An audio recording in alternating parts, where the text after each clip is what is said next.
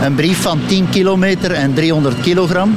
Ik denk dat er nog wel een halve kilometer aan postzegels moet bijgekomen zijn. Het is moeilijk voor 300 kilo alleen op te heffen, laat staan met drie, vier man. Dus ik vermoed dat het zal gebeurd zijn met een kraanwagen. Mysteries in Vlaanderen.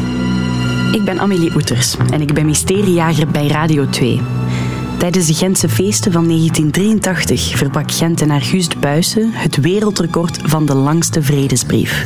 Een brief van 10 kilometer lang. Hij was bedoeld voor de president van Amerika, Ronald Reagan. Maar is die brief tot bij hem geraakt? Of wat is er met die brief gebeurd? Ik zoek het uit. In de jaren 70 en 80 was Vlaanderen in de ban van Guinness Book of World Records. Dus ook op de Gentse feesten moesten en zouden er wereldrecords gebroken worden. De bekendste naam is waarschijnlijk die van John Massis. Hij trok een tram voort met zijn tanden. In 1979 was dat. Maar de primeur was eigenlijk voor Gust Buijsen, het jaar voordien.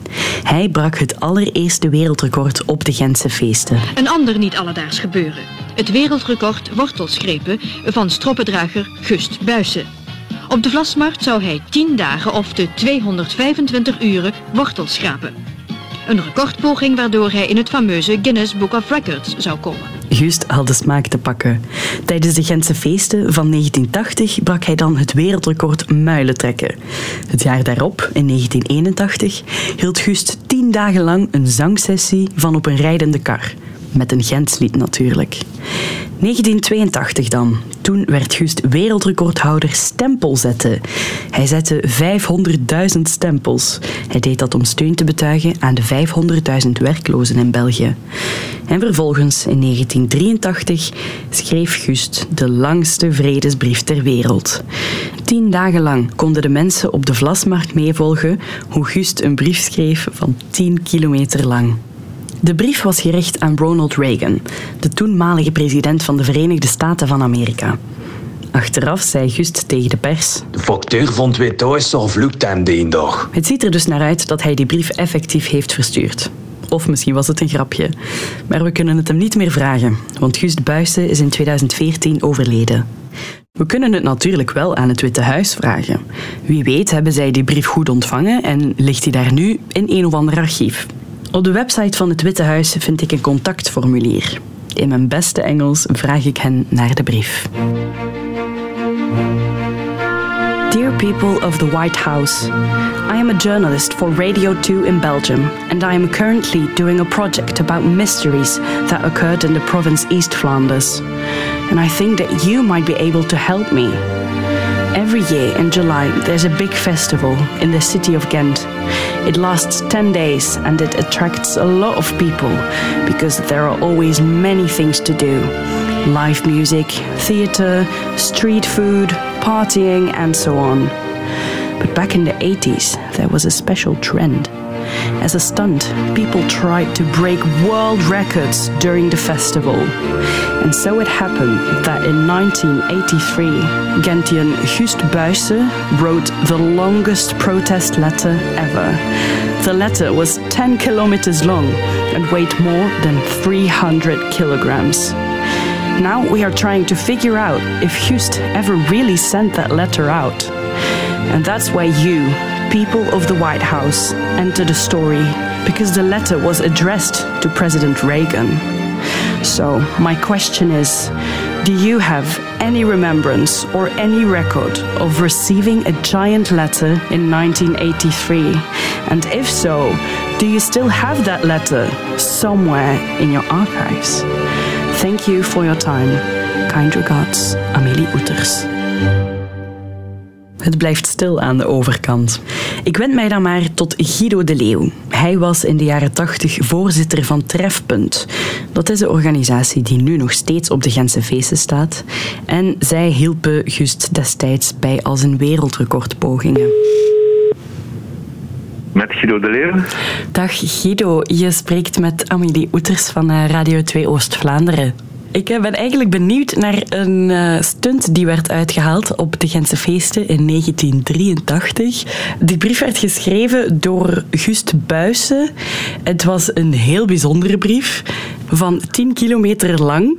Herinner jij je dat nog? Ja, ik herinner mij daar nog wel iets van. Hij heeft zo verschillende recordpogingen gedaan. En één daarvan was die vredesbrief. Dat was op krantenpapier, oude overschot van krantenrollen. Ik denk dat dat nog van Dagblad vooruit kwam dan. eh, Zo'n overschot van, van, van, van die rollen. En daar eh, maakte hij, eh, ja, schreef hij die vredesbrief op. Maar dat werd dan terug, ja, terug opgerold. ja. Weet jij of die brief dan ook echt is opgestuurd of wat is daarmee gebeurd? Ik weet eigenlijk niet goed wat daar verder mee gebeurd is. eerlijk. Ik zou u kunnen doorverwijzen naar eh, de heer Dirk Gijzeling. Dirk Gijzeling die eh, was zowat de assistent van Guus. Ik denk dat hij meer weet dan ik eigenlijk Oké. daarover. Nog steeds geen antwoord van het Witte Huis. Ik gooi het over een andere boeg. Ik loop aan bij B-Post. Ronnie van Schoor neemt me mee naar een gigantische sorteermachine, waar wel 20.000 pakjes per uur passeren. En ik schotel hem een vraag voor. Wat denk jij? Een brief van 10 kilometer lang, geschreven op een rol krantenpapier van meer dan 300 kilogram. Kon dat in 1983 verstuurd worden naar Amerika? Ik denk eerlijk gezegd dat dat niet mogelijk was. Eh, laat ons zeggen dat 300 kilo toch heel erg veel is. We moeten ook een beetje denken aan onze postbodes. Ik neem aan dat onze collega's van USPS, van de Amerikaanse post, ook wel enige limieten hebben in die zaak. Dus ik vermoed dat die brief eigenlijk nooit bij ons terechtgekomen is. Herinner je je nog wat Guido de Leeuw zei? Ik zou u kunnen doorverwijzen naar eh, de heer Dirk Gijzeling. Dirk Gijzeling die eh, was zowat de assistent van Guus. Ik denk dat hij meer weet dan ik. Wel, ik heb Dirk Gijsseling te pakken gekregen. En Guido had gelijk. Dirk weet meer over de brief. Dat was dan in de periode dat veel te doen was eh, rondom de kruisraketten die er gingen geplaatst worden. En toen kwamen we op het idee van een brief te schrijven eh, aan, eh, aan de president van Amerika. Duurde tien dagen, dus de langste brief ter wereld werd dat dan. Dat was een brief in, in het Gens natuurlijk. Toen begon de aanhef van die brief, Dear Reagan, maar Dier werd dan geschreven met D-I-R. En dan de, de tekst was, waar looten die andere vliegers op? En dat alludeerde dan op het liedje van Wals de Buk. En eh, eindigde dan, dan, als je goed wilde pleiten, blijf langs door met je raketten. Die vers schreef hij dus altijd maar door en door en door. En de mensen die binnenkwamen om, om hem te steunen, die eh, konden hun handtekening plaatsen. Wacht eens. Dat was een brief in, eh, in het Gens natuurlijk. Die brief was in het Gens? Dan kan het toch niet dat het echt de bedoeling was om die brief naar Reagan op te sturen? En inderdaad. Het was de bedoeling dan uiteindelijk om die brief mee te dragen in de, de nationale betoging eh, tegen de raketten in Brussel. Maar eh, er waren problemen om, om die rol in Brussel te krijgen. En eh, voor zover ik weet, ja, is die, is die rol dan verdwenen. Maar ik weet bij God niet meer waar, waar naartoe. Tja, als ze die brief al niet in Brussel kregen, dan zal die wellicht ook wel nooit in Amerika zijn geraakt. In Amerika moet ik dus niet meer gaan zoeken. Maar waar is die brief dan wel? Dirk denkt het antwoord te weten. Hij vermoedt, hij vreest dat de brief werd meegenomen door afvalophaler Ivago. De vlasmarkt na de Gentse feesten werd dat grondig opgekuist en, en, en, schoongemaakt. En dat moest allemaal vlug gaan, dus ik denk wel dat Ivago dat op een of andere manier meegenomen heeft. Het enige wat me nu nog rest is Ivago aanspreken. Want ja, als Bpost zegt dat die brief veel te zwaar was om destijds te kunnen vervoeren, dan vraag ik me af of Ivago dat wel kon. Dus in de vroege ochtend, tijdens de opkuis van de Gentse feesten, waag ik mijn kans. Ja, ik sta hier bij Gunter Scholaert van Ivago. Goedemorgen. Goedemorgen. Jullie zijn hier al volop bezig met de opkuis. Ja, dat klopt. We beginnen om zes uur al uh, met onze ploegen om heel de feestenzone proper te krijgen. En hoe lang duurt dat zo? Uh, op een drukke dag dan is dat, uh, ja, dan gaat het tot 1 uur s middags duren. Dan gaan ook de poorten dicht van de stad. Dus moeten we sowieso buiten zijn. En op minder drukke dagen zijn we rond half twaalf klaar. Zo, een groot voorwerp van 300 kilogram. Kunnen jullie mannen dat meenemen? Wel, ja, zelf meenemen, dat lijkt mij inderdaad een groot probleem te zijn. Het is moeilijk voor 300 kilo alleen op te heffen, laat staan bij drie, vier man.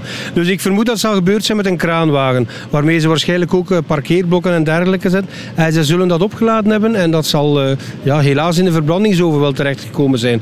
Zeker in die tijd, 1983, van sorteren, nog niet echt grote sprake. Dus dat zal zijn weggevonden hebben in een verbranding, helaas. Dit is het. Het mysterie is ontrafeld. De brief werd meegenomen door afvalophaler Ivago en werd daarna vernietigd in een verbrandingsoven. Het wereldrecord van Guus de Buijsen ging letterlijk in rook op. Tenzij een stille weldoener de brief heeft bewaard. Maar dat zullen we nooit weten. Nee, dat gaan we misschien ja, nooit weten ook. Hè. Misschien ligt het bij het Lam Gods ook. Stel je voor. Zal ik in een volgend mysterie dan maar het Lam Gods gaan zoeken? Mysteries in Vlaanderen.